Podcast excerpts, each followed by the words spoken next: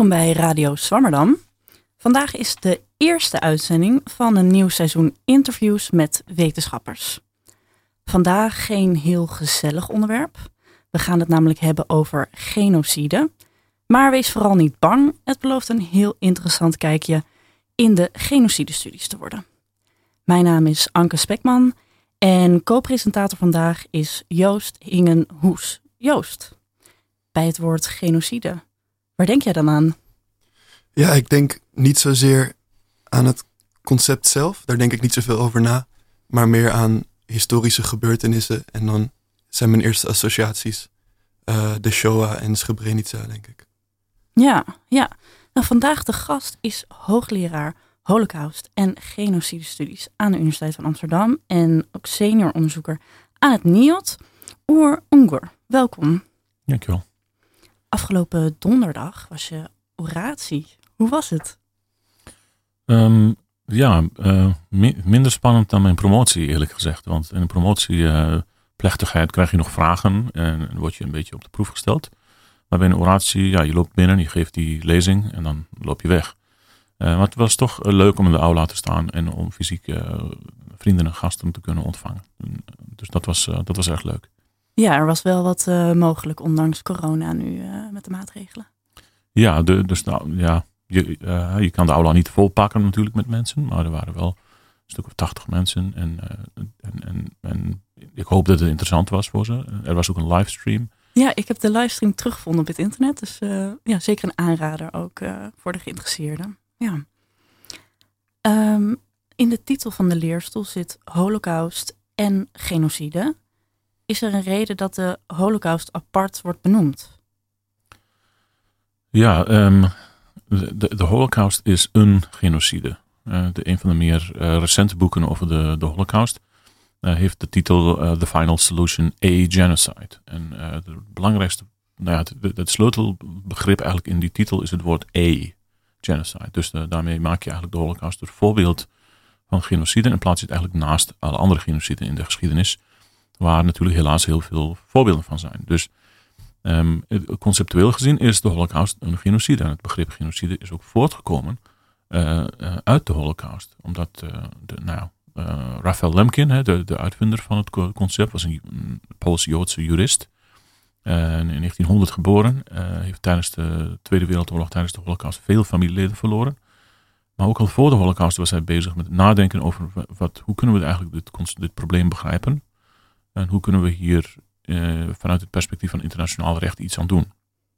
En hij heeft toen natuurlijk, uh, uh, ook, ook, onder invloed natuurlijk van, van het verlies van zijn familieleden in de holocaust, heeft het begrip gemunt. dus die, die, die, um, het begrip genocide komt voort uit de holocaust. Ja, dus Lemkin die heeft dat begrip gemunt. En um, kan, kan jij een definitie geven van genocide? Ja, um, in, in um, de, de meest bondige definitie uh, um, bestaat uit drie woorden. De georganiseerde vernietiging van een groep. Oké, okay, georganiseerde vernietiging van een groep. Ja. En uh, ja, waar moet ik dan aan denken? Hoe grootschalig is dat? Nou, dat, dat, die, die drie termen die kan je natuurlijk uitpakken. Hè? Dus mm -hmm. genocide is altijd georganiseerd allereerst. Dus het is niet toevallig of het is niet per ongeluk dat die mensen worden uitgemoord. Maar het is uh, uh, uh, doelbewust georganiseerd. het wordt vaak ook ehm, op een complexe manier georganiseerd. Hè? Dus met betrokkenheid van het staatsapparaat of van verschillende aspecten van een staatsapparaat. dus organisatie is eigenlijk echt absoluut kern, um, vormt de kern van wat genocide eigenlijk is. Um, en dan heb je natuurlijk vernietiging. Vernietiging kan fysieke vernietiging betekenen.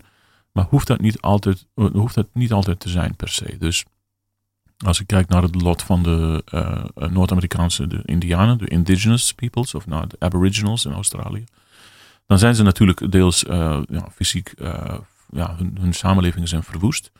Maar een, een, groot aantal daarvan is ook gedwongen geassimileerd. dus door, door gedwongen afstand te doen van de cultuur, van de taal, van de gebruiken. Daarmee vernietig je ook een cultuur eigenlijk, zonder per se bloed te doen vloeien.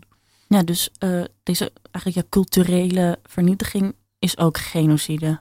Ja, is zeker, is zeker ook een vorm van genocide, omdat genocide, um, hè, dus de, um, de, derde, ja, de derde term van de, van de definitie van een groep. Uh, in, in genocide is het heel belangrijk uh, dat de groep als groep wordt aangepakt.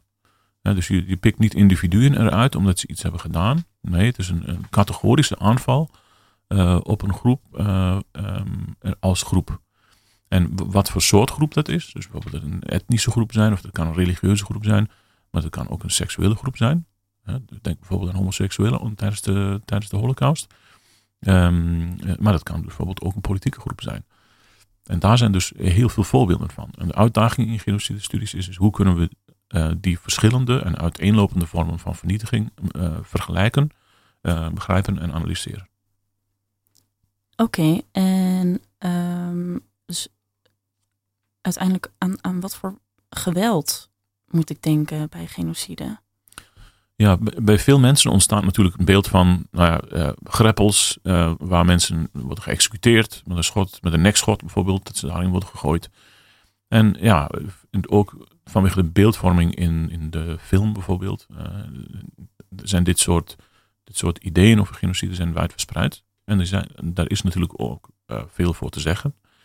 In de holocaust zijn dus bijvoorbeeld meer dan een miljoen Joden zijn niet vergast, maar zijn geëxecuteerd in de open lucht. Uh, moesten zich uitkleden en in greppels gegooid. Bijvoorbeeld uh, in Babi Yar, 1941. Uh, ja, in Oekraïne. In Oekraïne, in Kiev. Ja. 33.000 doden, slachtoffers. Maar, en, en het geldt bijvoorbeeld ook voor het Stalinisme. Ook veel mensen daarin zijn geëxecuteerd en in greppels gegooid, massagraven. Srebrenica is natuurlijk op die manier uitgevoerd. Genocide kan ook uh, andere vormen aannemen. Bijvoorbeeld door um, uh, grootschalige vernietiging bijvoorbeeld van, de, um, van, um, van het burgerlijk leven bijvoorbeeld in, in, in, een bepaalde, een bepaalde samenleving. Dus dan denk ik bijvoorbeeld aan, nou, aan de Aboriginals, bijvoorbeeld een heel goed voorbeeld. maar ook bijvoorbeeld als er een oorlog woedt, of een burgeroorlog, en een van die partijen heeft als doelwit niet alleen het leger van, van, uh, van hun vijanden, maar dat ze ook bijvoorbeeld op grote schaal de burgers en de, de, de achterban, de, de civiele achterban van zo'n groep aanvallen, dan, dan kan dat ook leiden tot grootschalige misdaden tegen de menselijkheid die zo systematisch kunnen worden dat, dat het leidt tot genocide. Dat kan zeker, dat kan zeker ook. Oké, um, dus u noemde net ook even misdaden tegen de menselijkheid.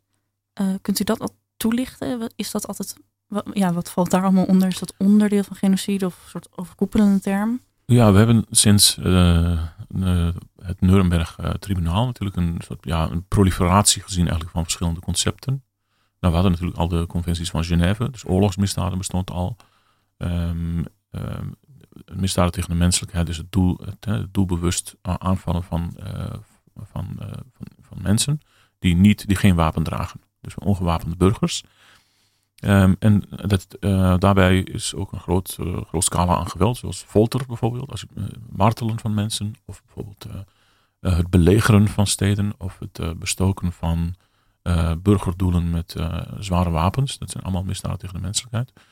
maar dat zijn natuurlijk vooral gevallen. En een van de belangrijkste on onderscheiden die we moeten maken, is tussen genocide, wat een proces is, een proces dat over een langere periode, één jaar, twee jaar, drie maanden, vijf jaar, uh, voortschrijdt. Uh, versus um, um, gebeurtenissen die bijvoorbeeld op één dag kunnen gebeuren. Um, of één of twee dagen kunnen gebeuren. En dus dat onderscheid tussen een gebeurtenis en een proces, dat is eigenlijk het belangrijkste onderscheid tussen bijvoorbeeld misdaden tegen de menselijkheid en genocide. Ja, genocide is niet één gebeurtenis, het is een proces. Een proces van doelbewuste vernietiging, ja van doelbewuste vernietiging. En uh, is, is er dan een soort wetmatigheid te vinden in dat proces? Ja, dit is een van de, nou, een van de belangrijkste uitdagingen, zoals ik al, al zei. Hè. Dus als je kijkt naar een samenleving als, als Rwanda bijvoorbeeld. Dus eh, Rwanda, een klein Centraal-Afrikaans land.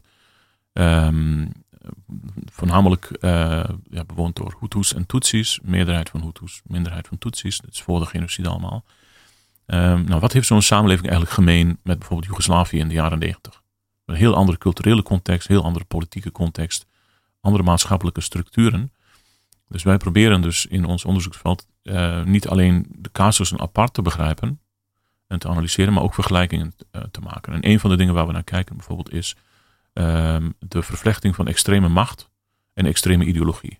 Nou, als die twee bij elkaar komen, uh, dan, dan kan het heel fout aflopen. En dat zie je ook inderdaad terug als wetmatigheid, als je het zo wil uitdrukken, in, in heel veel genociden. Hè. Dus je hebt vaak een, een, politieke groepering met een extreme ideologie. Oké, dat, dat, bestaat in veel samenlevingen. Maar op het moment dat die de, de alleenheerschappij grijpen, door middel van een staatsgreep bijvoorbeeld, dan, uh, dan zijn er echt serieuze problemen.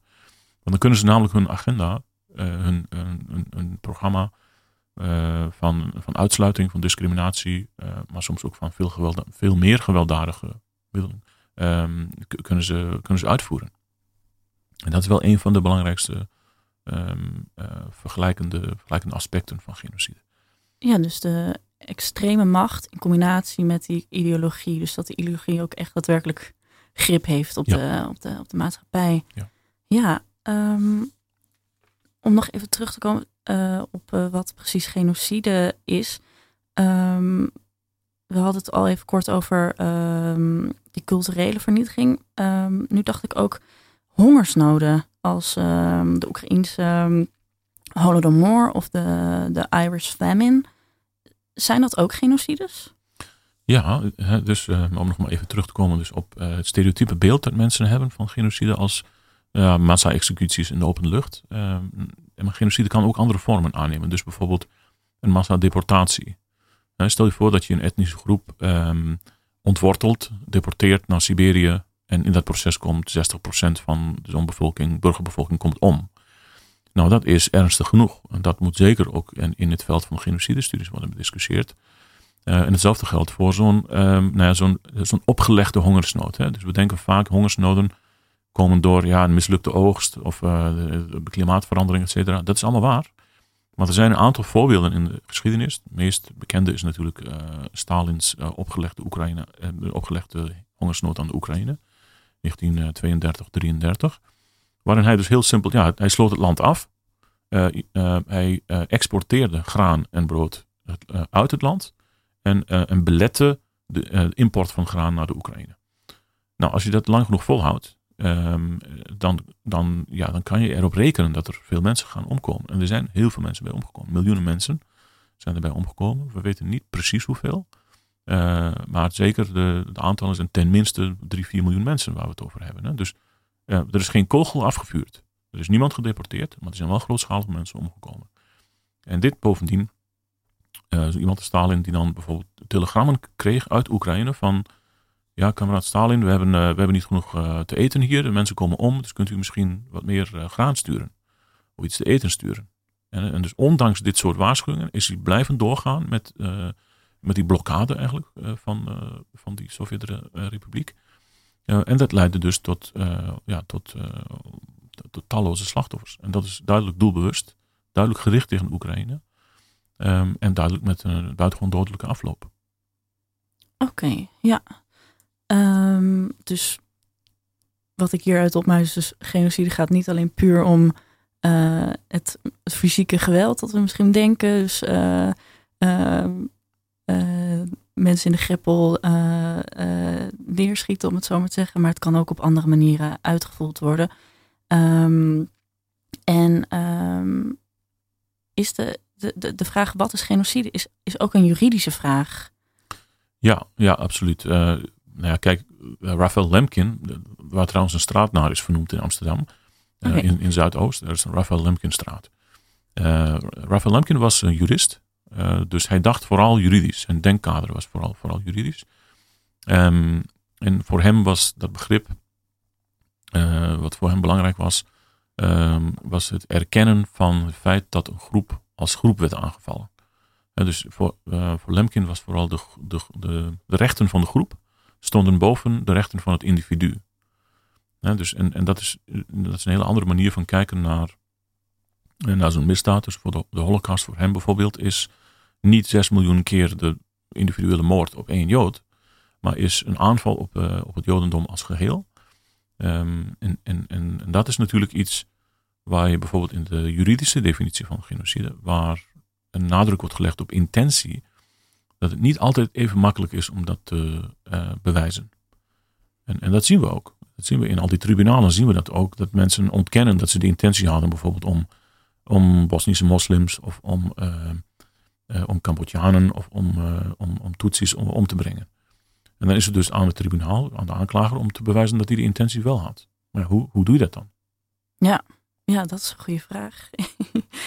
en uiteindelijk, um, ja, bent u er fan van uh, om, om je af te vragen van is er is iets wel of geen genocide? Is er intentie of niet? Um, nou, intentie is wel een belangrijk um, concept om over na te denken. Uh, maar ik ben niet zo'n fan van als mensen vragen bijvoorbeeld was dit genocide of niet? Weet je, als het als, alsof het een lichtknopje is, dat of aan of uit kan zijn. Dus of 100% of 0%. Op die manier moeten we niet nadenken over genocide. We moeten meer nadenken over genocide als een soort dimmer. Dus het kan meer genocidaal zijn en het kan minder genocidaal zijn. En dan is dus de aanvullende groep is belangrijk, de intentie is belangrijk. Um, maar intentie is heel moeilijk, heel moeilijk om te onderzoeken. Want uh, weinig uh, politieke leiders die genocide hebben gepleegd, zullen met zoveel woorden opschrijven uh, goh, ik, wil, ik heb echt de intentie om deze groep met wortel en tak uit te roeien. Het komt meer, die intentie kan je veel beter begrijpen. Um, uh, of je kan extrapoleren van wat er gebeurt on the ground. Um, en dat kan je dus um, contrasteren met wat zo'n leider wist. En dan kan je eruit afleiden dat hij, dat hij of die intentie gehad moeten hebben. of wat ook wel eens voorkomt, is dat een lager geplaatste mensen, dat die deserteren bijvoorbeeld, dat ze defecteren. En dat ze zeggen, nou, ik heb een aantal vergaderingen met hem gezeten en hij heeft 100%, 100 gezegd, het is een ABC. En dus op die manier moet je het een beetje benaderen. Maar omdat genocide natuurlijk um, en ook interessant genoeg voor de daders kennelijk schaamtevol is, uh, komen ze er niet openlijk voor uit dat ze die intentie hebben. Onderling misschien wel, in geheime uh, vergaderingen. Maar ook de nazi's bijvoorbeeld hebben dus nooit gewoon openlijk op de voorpagina van een Duitse krant geschreven: Weet je wat, we gaan alle Joden uitroeien. Um, hè, dus dat, dat heeft natuurlijk ook eh, andere consequenties, want je kan daarmee dus paniek, uh, je kan daarmee, daarmee, paniek zijn onder de slachtoffers of onder de target group.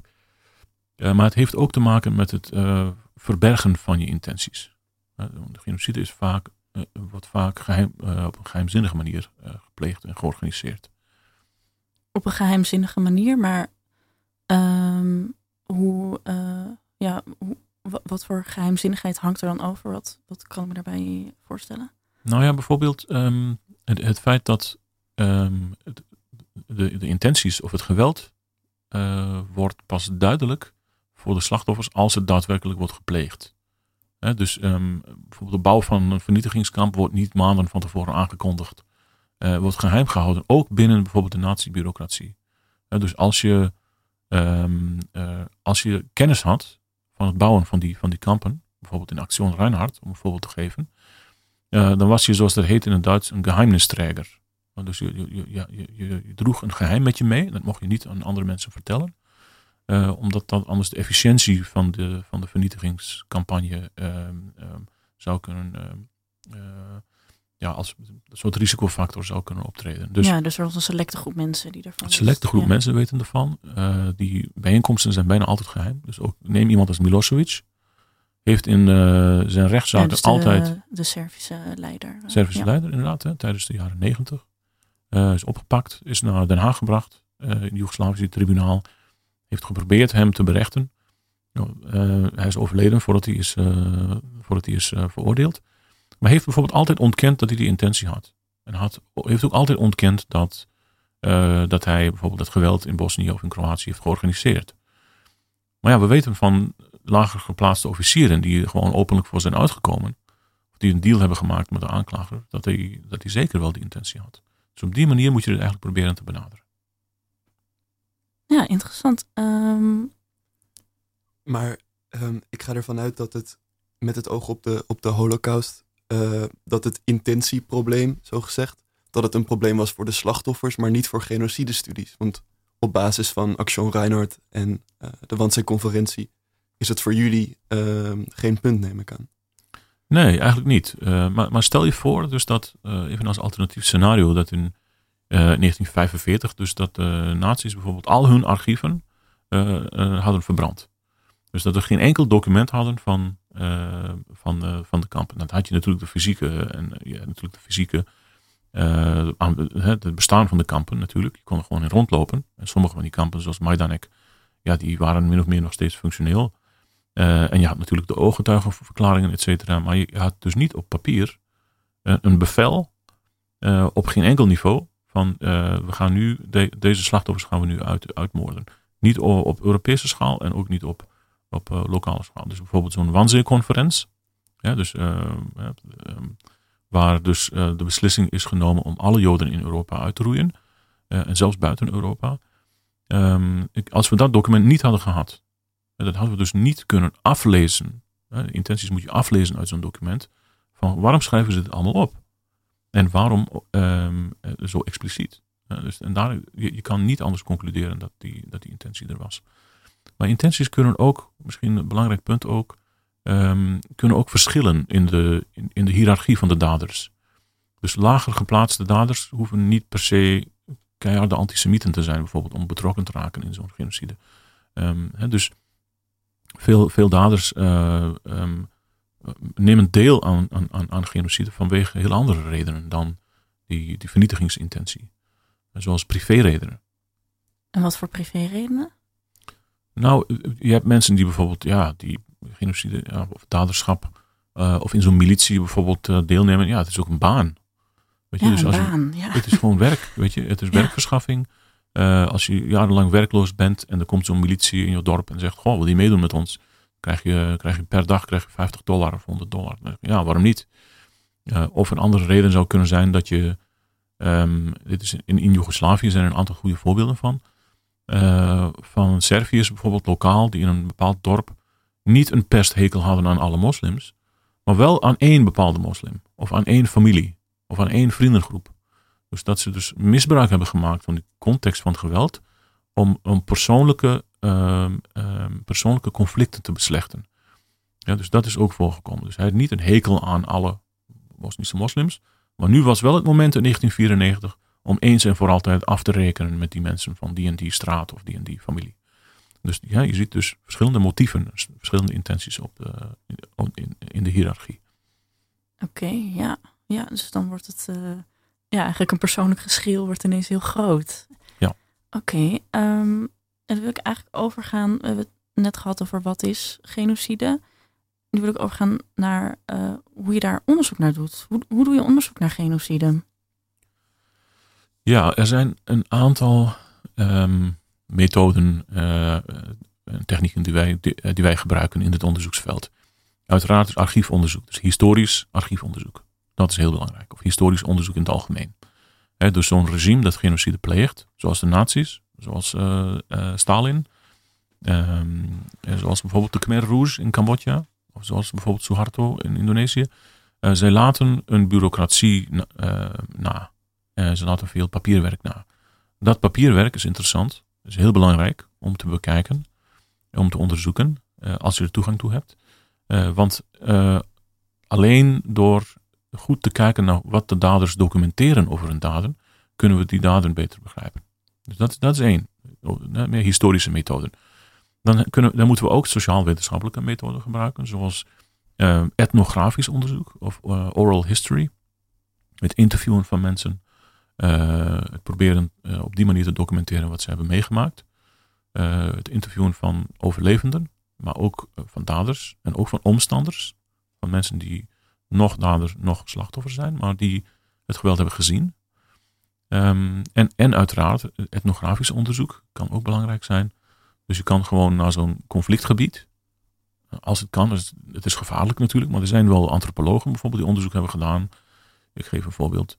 Uh, in Congo bijvoorbeeld, de Democratische Republiek, Republiek, Congo. En die daar dus hebben rondgelopen en hebben gekeken, misschien in, soms in de directe nasleep van zo'n geweld, zo'n geweldsproces. Of soms er zelfs ook middenin, interessant genoeg. En die het dus met eigen ogen hebben uh, mogen aanschouwen. En dus notities hebben gemaakt. Van, goh, ik, nou, volgens mij zit het zo. Over een langere periode. Dus er zijn verschillende methoden om dat te doen. Uh, en, zijn, en ze bieden allemaal een, een, interessant en ook uniek perspectief op, uh, op genocide. Ja, dan wil ik eigenlijk even beginnen met de, ja, de historische methode, met het archiefonderzoek. ehm, nou, het lijkt mij best wel lastig dat je ehm, materiaal hebt van de daders van, van dat regime, van ja, die, die overheid op dat moment die misdaden heeft gepleegd. Hoe, hoe krijg je toegang tot zo'n archief? Dat is ja, niet makkelijk als dat zo'n daderregime uh, of de, uh, de, opvolger van zo'n daderregime nog steeds de macht heeft. En nazi's hebben de macht niet meer natuurlijk, dus dat materiaal ligt allemaal in het Bundesarchief. Ja. Daar kan je gewoon heen, daar kan je gewoon onderzoeken. En Duitse archivarissen zullen blij zijn om je te helpen daarmee. Maar dat gaat bijvoorbeeld niet zo makkelijk in Japan. Dus als je in Japan komt en je zegt, oh, ik wil eens die misdaden in China onderzoeken. Dan, dan wordt niet de rode loper voor je, uitge, uh, uh, voor je uitgegooid. maar. dus, en hetzelfde geldt, weet ik uit mijn eigen ervaring, uh, in bijvoorbeeld Turkije. de Republiek Turkije is ja, in 1923 gesticht. Is eigenlijk gesticht op uh, een, een, enorme, uh, een enorm geweldsproces, namelijk de Eerste Wereldoorlog en de genocide op de Armeniërs. En ik heb dus voor mijn eigen onderzoek jaren geleden uh, heb ik archiefonderzoek gedaan in Istanbul, in de Ottomaanse archieven. En toen ik daar kwam, ja, ik moest, een beetje, ik moest me een beetje anders voordoen. Ik moest een beetje. Um, ik kon niet heel expliciet zijn over het precieze onderzoek dat ik, dat ik wilde doen, omdat ik dan anders mezelf zou saboteren. Weet je, je kan wel binnenlopen en zeggen van, goh, ik wil graag alle documenten zien die gaan over de deportatie van de Armeniërs. Maar dan word je er meteen uitgegooid. Dat weten we omdat mensen zijn die eruit zijn gegooid. Collega's van ons. Um, um, en dus, dus ik heb het uh, iets algemener gehouden. Ik heb gezegd, nou, ik ben geïnteresseerd in de context van de Eerste Wereldoorlog bijvoorbeeld. Maar wel dus in de tussentijd heel veel documenten ingezien. Over hoe Armeniërs zijn gedeporteerd. Wie daar bevel voor heeft gegeven hoe dat is, um, uh, praktisch is georganiseerd. ik, heb, ik heb dus een heel goed inzicht gekregen eigenlijk in dat, uh, dat apparaat en de bureaucratie van de vernietiging uh, in het jaar 1915. Ja, dus dat ligt nog wel in Istanbul in het archief. Dat is niet vernietigd. Die, ja, eigenlijk dat bewijsmateriaal daarvoor. Nee, nee, het is niet vernietigd, omdat A, er is gewoon heel veel. en B, ik denk ook dat um, voor archieven, staatsarchieven vooral, uh, het is niet echt gangbaar om, om, om uh, uh, dus officiële stukken van de staat te vernietigen. Al zijn ze dus op deze manier, dus ja, ze zijn incriminating. dus, dus er zit een heel duidelijke, heel duidelijke criminele context in. En hetzelfde geldt voor um, pak bijvoorbeeld Rusland. ja, nu moeilijker natuurlijk sinds, sinds Poetin. maar in de periode van Yeltsin, dus na Gorbachev tot aan Poetin, in de jaren negentig is dat Sovjet-archief opengegaan. En er is echt een, een, een, eh, een, een vloedgolf aan materiaal is eruit gekomen. Uh, dankzij um, uh, we nu de, uh, de, de misdaden van het Stalinisme gewoon heel goed kunnen begrijpen. Omdat we toegang hebben tot die archieven. Ja. Maar bijvoorbeeld van Japan, daar weten we nog niet zoveel van. of um, bijvoorbeeld um, Eritrea. Of, een andere voorbeelden geven van autoritaire staten. Ehm, Syrië is daar natuurlijk ook voorbeeld van. Uh, daar hebben we geen toegang. Uh, dus moeten we het uh, met andere methoden doen. Oké. En um, in die archieven komt het dan wel eens voor dat daders letterlijk hun misdaden hebben omschreven of hun intentie hebben omschreven. Dus we hadden het net even over die Wannsee-conferentie. Is dat, als we de, de Armeense genocide dan nu als voorbeeld nemen, is dat dan letterlijk te vinden in een archief? Uh, er komen soms, uh, er zijn soms historici, uh, dat is ook een beetje natuurlijk de droom van historici om, um, om, een, om, om, een belangrijk archiefdocument te ontdekken. Ja. ja dat is heel spannend natuurlijk en het is leuk, um, omdat je daarmee echt een bijdrage levert aan het debat, hè, aan, aan, de literatuur. en er zijn een aantal voorbeelden daarvan. Ik heb zelf heb ik, een aantal interessante stukken gevonden, bijvoorbeeld in de Osmaanse archieven.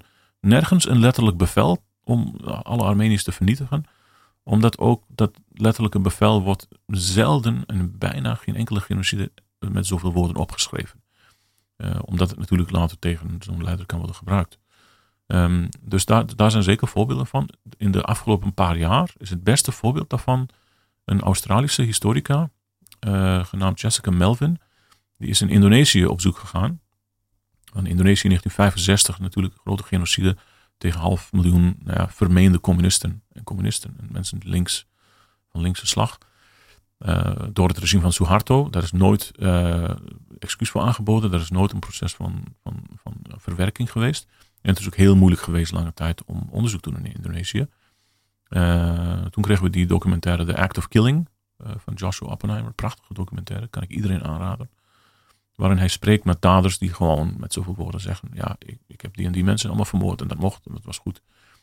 En Jessica Melvin is toen in, uh, in, uh, op het eiland Medan uh, is, op zoek gegaan naar ehm, gepensioneerde militairen die misschien thuis nog wat privéarchieven hadden liggen. Dus ze, is gewoon die mensen langs gegaan en meestal vriendelijk te woord gestaan. een kopje koffie drinken, een beetje praten. toen heeft ze gevraagd: Heeft u misschien ook van de jaren 60, heel algemeen, uh, nog wat, uh, ja, wat ego-documenten liggen, nog wat privécollecties. En een van die officieren van het Indonesische leger, die wees toen naar een hut achter zijn huis. En hij zei, ja, volgens mij ligt daar nog wel wat. Okay, en, toen, ja. en, en, toen is ze gaan kijken en toen heeft ze dus echt adembenemende documenten gevonden, waarin dus letterlijk het Indonesische leger in 1965 zegt, we gaan milities oprichten. Die milities moeten de communisten uitroeien. Want we willen niet als leger direct betrokken zijn bij de vernietiging van communisten. Dat heeft zij gevonden. En daarmee is dus in één klap eigenlijk die literatuur op zijn kop gaan staan. Ja, en die intentie die, die is direct duidelijk. Ja, absoluut. Dat was meteen een beklonken zaak. Oké, ja, wat een mooi voorbeeld. Ja. Um, dus um, in dit voorbeeld komt ook al even uh, het uh, aan bod dat uh, die Australische uh, historicus die ging dus gewoon praten met mensen. En uh, zo kwam ze dan op die archieven. Um, of op ja, het materiaal. Um, ik zou nu graag wat ingaan op die tweede methode van, het, van het interview. Dus meer ook oral history. Um, willen ooggetuigen van genocide daarover praten?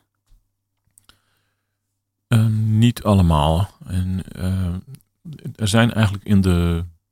Uh, als, je, als je kijkt naar uh, bijvoorbeeld overlevenden van de Shoah. Dus, dus niet omstanders, maar ik bedoel echt dus, dus Joden bijvoorbeeld die het hebben overleefd. er is meestal een soort van tweedeling. Je hebt mensen die er nooit over hebben willen praten. En je hebt aan de andere kant mensen die er niet over kunnen ophouden. dus er is of obsessie of er is stilzwijgen. En, en er zijn een aantal mensen geweest die het op een, uh, op een meer gebalanceerde manier hebben kunnen verwerken. En door het bijvoorbeeld van zich af te schrijven, door memoires te schrijven, of door, bijvoorbeeld interviews te geven. Um, maar je hebt uh, overal ter wereld heb je uh, oral history initiatieven. Oral history, de mondelinge geschiedenis, betekent dat je mensen interviewt over hun, niet alleen over zichzelf, maar ook over wat ze allemaal hebben meegemaakt en gezien. Dus ook als getuigen, niet alleen als um, ervaringsdeskundigen. Um, en dit is vooral in de context van geweld heel erg belangrijk. Omdat nou ja, de daders wilden niet dat mensen het overleefden en het gingen rondvertellen. Sterker nog, eh, SS-mensen bijvoorbeeld uh, in de kampen hebben heel vaak uh, Joodse slachtoffers en overlevenden getart met het idee van zelfs als jullie hier dit overleven en wegkomen, niemand zal jullie geloven dat er echt gaskamers zijn. Dus daarom is het des te belangrijker uh, om, uh, om, om, om, die verhalen van de slachtoffers naar voren te brengen en om ze te interviewen. Maar nogmaals, het is niet, niet altijd even makkelijk. Voor mensen die absoluut niet willen praten hierover, uh, gaan soms decennia voorbij. dat ze gewoon hun leven oppikken en dat ze, ze hebben kinderen en ze hebben een gezin en ze hebben een carrière en ze gaan op vakantie. Alles lijkt normaal.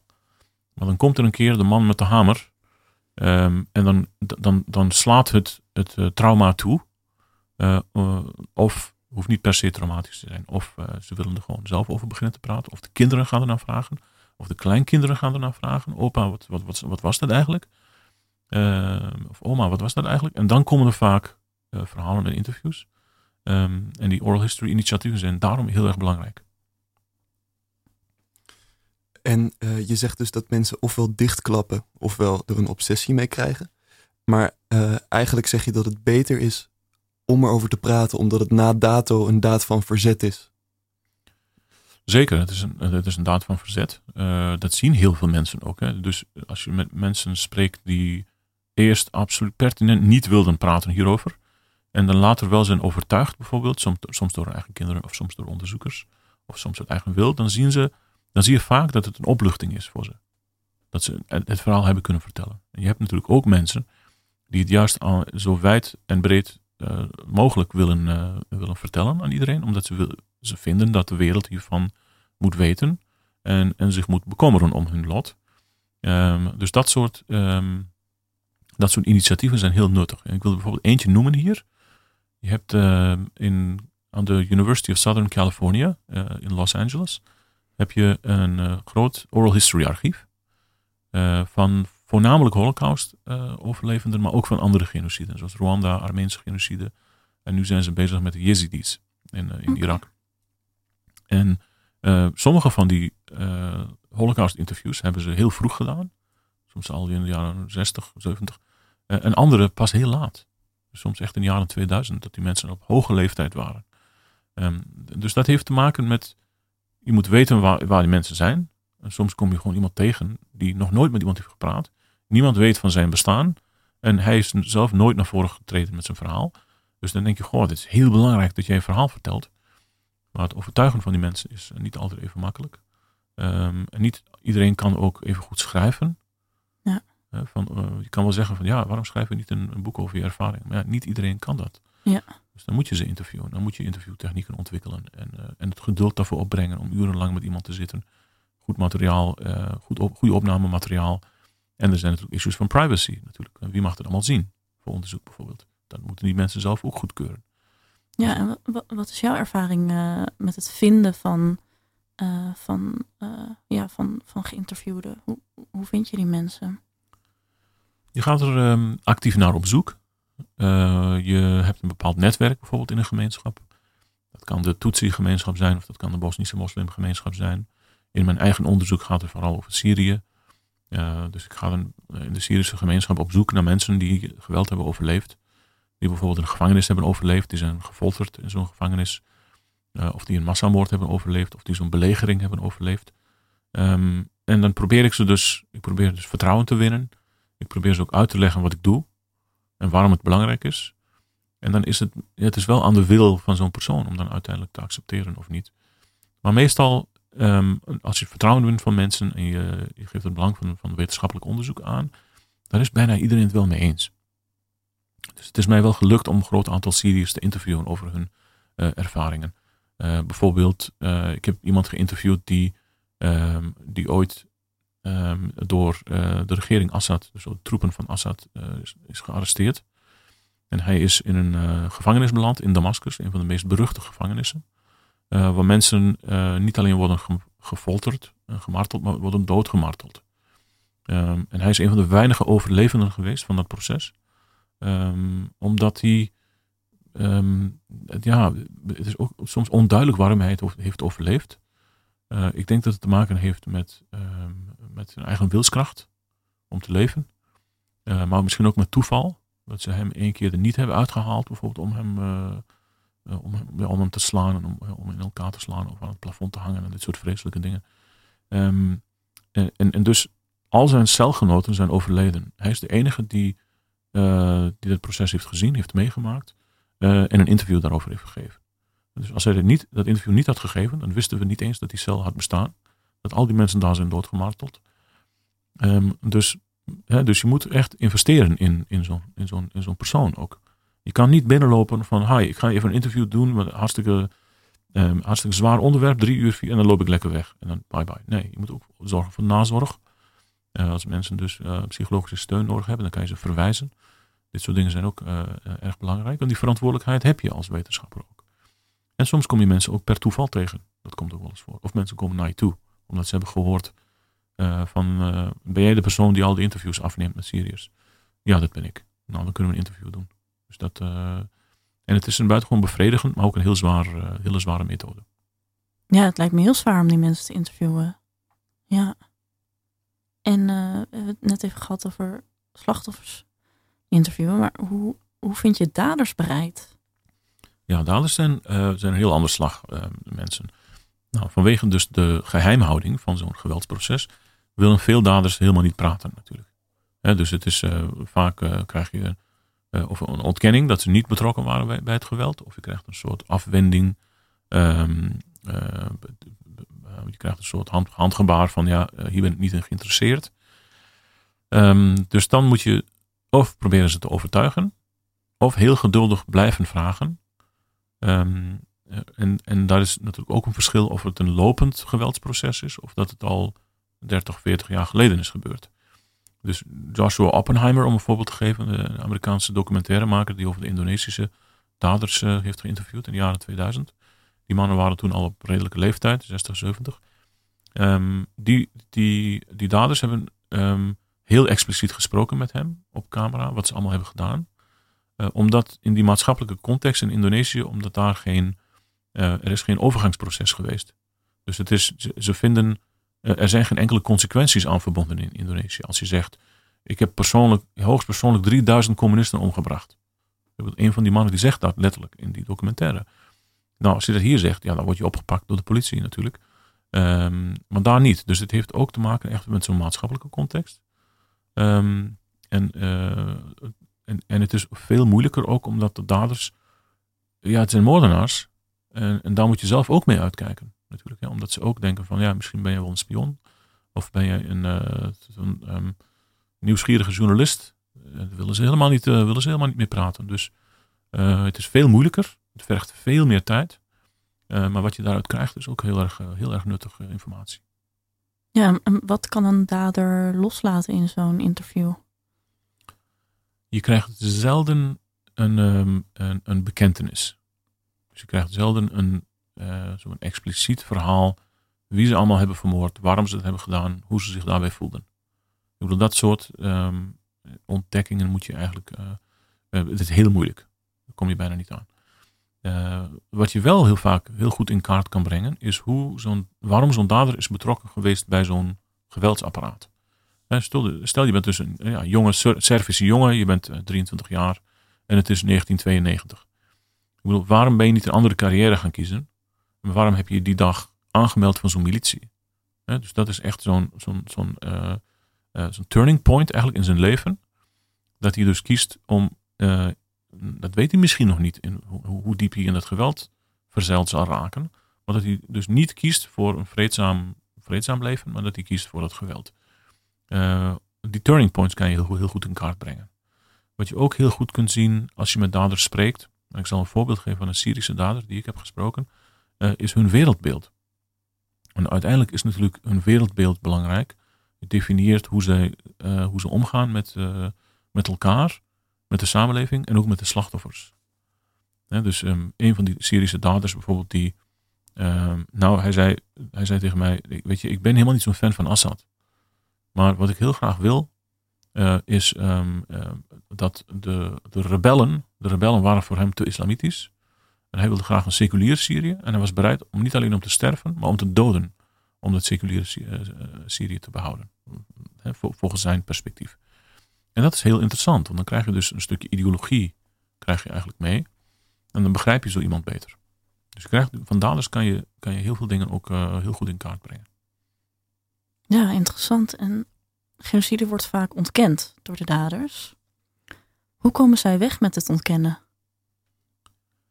Alle genociden worden ontkend trouwens. dus er zijn ook de holocaust. Er zijn holocaustontkenners. Uh, Die zitten niet in de Duitse overheid. Nee, natuurlijk niet. Maar er zitten wel in neonatiegroepen bijvoorbeeld. Of um, de, er zitten mensen in de Iraanse uh, overheid bijvoorbeeld die de holocaust ontkennen. Voor, voormalige Iraanse president Ahmadinejad was er iemand die zei ja, het was allemaal zo erg niet. Ja, dus dus ook de Holocaust, waarvan je kan zeggen het is de meest bekende onontkenbare genocide, zelfs die wordt ontkend. Maar andere genocide, andere voorbeelden daarvan, worden heel expliciet ontkend, soms door sterke lobbygroepen en soms door, uh, soms door uh, staten uh, zelf. Dus de, ja, de, Turkse overheid is daar een goed voorbeeld van. Het is meer dan 100 jaar na de Armeense genocide en genocide wordt nog steeds ontkend. Uh, of die uh, Japan uh, met hun misdaden in Korea en in China en ook in Indonesië. Het Japanse establishment, politieke establishment, is daar ook niet helemaal transparant over, om het mild uit te drukken. Dus dat is, um, ja, dat heeft te maken deels met de ja, reputatie van zo'n staat natuurlijk. Ehm, ik denk dat de Turkse en de Japanse politici of bijvoorbeeld Servische politici, dat ze denken, als ik dit erken, dan, dan, dan doet het afbreuk aan, de, aan het prestige van onze staat. Terwijl juist het omgekeerde kan zeggen. Kan je zelf zeggen van ja, het is een heel groot gebaar eigenlijk om, om, het, om het leed van zo'n van zo'n slachtoffergroep te erkennen. Maar het is helaas, ehm, komt het nog steeds wel heel vaak voor, genocideontkenning. Ja, dus um, ik noem net Japan en Turkije en Servië. En ja, een uitzondering is, van Duitsland, hè, die hebben wel erkend. Wat maakt nou dat een staat het wel gaat erkennen? Ja, daarvoor is echt een serieuze omwenteling nodig. Hè. Dus uh, 1945 zijn de naties um, van de troon gestoten. En toen is er echt in Duitsland een, uh, niet een heel grondige, maar een redelijke schoonmaak geweest in de bureaucratie van natie, de denazificatie. Uh, dus het onderwijssysteem is op de schop gegaan. Uh, er is natuurlijk een nieuwe staatsvorm gekomen, tenminste in West-Duitsland. Um, en ook, ja, ook in Oost-Duitsland natuurlijk. En er is dus die, die misdaden die zijn toen vanaf het begin al als eigenlijk hoeksteen van erkenning van het geweld zijn verankerd eigenlijk in de identiteit van de staat. dus het is een onderdeel van de Duitse identiteit om de Holocaust te erkennen. Maar het is een onderdeel van de Turkse identiteit om de Armeense genocide te ontkennen. Dus als je met mensen praat en je tornt daaraan, dan worden ze vaak heel emotioneel, eh, omdat het gaat over een identiteit. Omdat ze bang zijn voor identiteitsverlies. Omdat ze denken van ja, alles wat mij is aangeleerd over het Duits zijn, of over Japans zijn, of over Servisch zijn, uh, is, uh, is, is niet helemaal uh, waarheidsgetrouw. Dus daar kunnen mensen heel emotioneel op reageren soms. Dat weet ik ook uit eigen ervaring. Want ja, wij krijgen bij het NIOT ook wel eens uh, boze e-mails van mensen die niet blij zijn dat we hun genocide bestuderen of juist niet. Oké, ja. ja. Dus dat, um, het wekt hele sterke emoties op uh, onder mensen. Maar het heeft natuurlijk te maken met de verantwoordelijkheid van politici.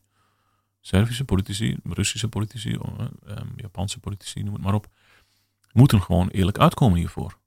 Uh, en moeten proberen een proces van dialoog en discussie constructief in eigen samenleving te, op gang te brengen. Om, te, om de misdaden te bespreken. Ja, en die, dus die politici die houden de ontkenning in stand. En draagt dat ook bij aan nieuw geweld?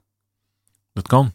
Dat kan zeker, uh, dat kan zeker zo zijn. Dus um, denk bijvoorbeeld aan Um, neem een samenleving als Irak. Dus Irak onder Saddam Hussein. Uh, Saddam heeft in de jaren tachtig heeft hij genocide gepleegd tegen de Koerden. Heeft, uh, wel, we weten niet precies hoeveel, maar tussen 100 en 150.000 Koerden heeft hij vermoord door massa-executies en gebruik van chemische wapens. Uh, daar is nooit een, een, een proces van afrekening mee geweest. Nee, niet echt. Uh, ja, er is een soort tribunaal, half tribunaal geweest in Bagdad. Maar de Iraakse samenleving, vooral de Arabische uh, Irakezen, hebben daar nooit echt um, een vorm van introspectie over gehad. Van, wat hebben wij gedaan met onze eigen medeburgers, die toevallig Koerden zijn. En daardoor krijg je dat, dat na 2003, en ook in het afgelopen decennium, uh, dat er weer geregeld aanvallen zijn geweest op Koerden. Omdat er wordt gedacht, die mensen zijn vogelvrij. Bijvoorbeeld de Jezidis. Ze zijn vogelvrij. Niemand zal ze verdedigen als we ze aanpakken. Bovendien zijn er ook mensen die denken: we hebben het karwei niet afgemaakt. Uh, dus we moeten proberen die mensen een, uh, een, kopje kleiner te maken. Of dit soort, dit soort dingen. Uh, het geldt ook voor antisemitisch geweld. dus holocaustontkenners zijn al, bijna altijd antisemieten. En antisemieten zijn bijna altijd holocaustontkenners. dus antisemitisch geweld wat je eh, helaas veel ziet. Dus ook in Halle bijvoorbeeld had je die aanslag op de synagoge. Dat heeft, ja, die, dit soort mensen heeft, uh, denkt kennelijk dat ze dit kunnen permitteren. En zijn bijna altijd holocaustontkenners. Ja, en um, je noemde net ook een soort half tribunaal in Bagdad. Er zijn natuurlijk meer uh, tribunalen. is het mogelijk voor slachtoffers om rechtvaardigheid te krijgen? dat uh, hangt inderdaad van de slachtoffers zelf af, van de, van de overlevenden. Sommige mensen hebben veel voldoening in een tribunaal. Andere mensen denken, ik krijg mijn familie nooit meer terug. Dus al geef je, hem, al geef je de daders honderd keer levenslang, ik krijg mijn familie niet terug. Uh, of de, de vorm van uh, zo'n zo'n rechtspleging past bijvoorbeeld cultureel niet goed in een bepaalde samenleving. Hè. Dus dat ze bijvoorbeeld eh, in, in de Congo bijvoorbeeld, eh, of in Nigeria, eh, of in, in Cambodja zijn andere vormen van verzoening en rechtspleging. Dus cultureel, traditionele andere vormen van dan een tribunaal met een, met een, met een rechtbank en een rechter, et cetera. Sommige mensen begrijpen dat niet eens. dus dat, dat hangt erg af van de cultuur en van de mensen zelf. Ehm, maar het is een, vooral een heel belangrijk signaal ook naar de wereld. dus als je genocide onbestraft laat, wat voor signaal geeft dat aan, het aan de volgende leider die dat misschien in zijn hoofd haalt uh, om zoiets uh, proberen, te, proberen te lanceren. Dus niet alleen richting de overlevenden en de slachtoffergroep. Wel natuurlijk tegen hen, zoals Eichmann bijvoorbeeld. Dat was echt een soort catharsis in Israël. Um, maar ook als signaal naar de wereld. Want straffeloosheid kunnen we, ja, mogen, kunnen we niet permitteren. Ja, dus als een uh, signaal naar de wereld. En ja, tot slot valt een genocide te voorkomen. Ja, dat is moeilijk. Dat zullen we eigenlijk niet weten. Want misschien hebben we wel genocide voorkomen. Maar omdat ze niet zijn voorgekomen, weten we niet of we ze hebben voorkomen. Dus, maar we kunnen zeker dus wel, omdat we dus iets weten over wetmatigheden van genocide. Dus wat, wat veroorzaakt die genocide. Als we die oorzaken bestrijden, dan weten we ook dat we het geweld uh, voorkomen. Uh, dus bijvoorbeeld het tegengaan van extreme ideologie het tegengaan van machtsconcentratie. Dus, aan, hè, dus ehm, van autoritaire politiek. Want het zijn bijna altijd dictaturen geweest die genocide hebben gepleegd.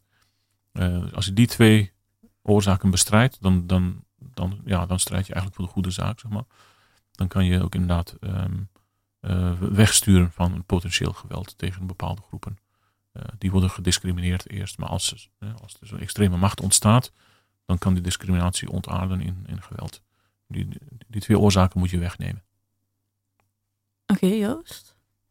Ja, als ik nog even terug mag gaan naar het begin van het programma, dat we het hadden over wat genocide is. En dat het ging over de juridische definitie van Lemkin, dat het belangrijk was om het feit te erkennen dat het hier om een groep gaat en juist niet om de individuen. Ik vroeg me op grond hiervan hoe jullie binnen genocide-studies omgaan met het idee dat je eigenlijk met deze definitie ook de segregatie reproduceert die in genocides van toepassing was. Hè? Dus bijvoorbeeld bij het Holocaustmonument in Berlijn was het een punt van kritiek uh, dat door alle, alle groepen slachtoffers een andere plek te geven, die segregatie gereproduceerd werd. Is dat iets waar jullie tegenaan lopen? Ja, het is heel belangrijk. Het is een hele goede vraag. Het is heel belangrijk om niet de terminologie en de categorieën van de daders over te nemen dus ehm, er is een, een Duits historicus, uh, Frank Bajor, die heeft ooit een keer een boek geschreven over de Joden in Hamburg. En hij heeft in zijn inleiding van zijn boek schrijft hij, ik wil eigenlijk het woord Jood tussen aanhalingstekens zetten door het hele boek heen. Uh, maar dat doe ik niet, want het ziet er lelijk uit. Maar, zegt hij, we moeten ons goed beseffen dat veel mensen zichzelf niet zagen als Joden. Um, of, um, of nou, noem maar een categorie op. Dus daar, die categorieën die moeten we juist afbreken en die moeten we niet versterken daarmee doen we eigenlijk de, de, de overlevenden geen plezier. Uh, en het is te veel respect voor de, voor de daders. Ja, ja dus uh, niet de categorisering van de, van de dader overnemen in dit geval. Precies. Oké. Okay. En um, kan je. Oh, oh, ik hoorde, ik hoorde tune. Dan uh, betekent het dat we aan het eind zijn gekomen van deze uitzending van Radio Swammerdam over genocide. Oer Honker, hartelijk dank voor je komst. Graag gedaan. Ik wil ook graag Joost bedanken. Hij was de co-presentator van deze uitzending. De techniek was vandaag in handen van Lilian Kingma. Waarvoor ook heel veel dank. Allebei zijn zij nieuw bij onze redactie, dus u zult binnenkort meer van hen horen. Reageren op deze uitzending kan op Facebook, Instagram of Twitter. Volg ons daar ook vooral, dat vinden we altijd leuk. Ouderwets mailen kan ook naar redactie.radiosammerdam.nl Volgende week zondag is Radio Sammerdam weer te beluisteren tussen 11 en 12 op Radio Salto. Oudere uitzendingen uh, zijn terug te beluisteren op alle podcastkanalen, Spotify, iTunes, Soundcloud of kijk op onze website radiosammerdam.nl. Dit was Radio Sammerdam. Bedankt voor het luisteren en hopelijk tot volgende week. Voor nu nog een hele fijne zondag.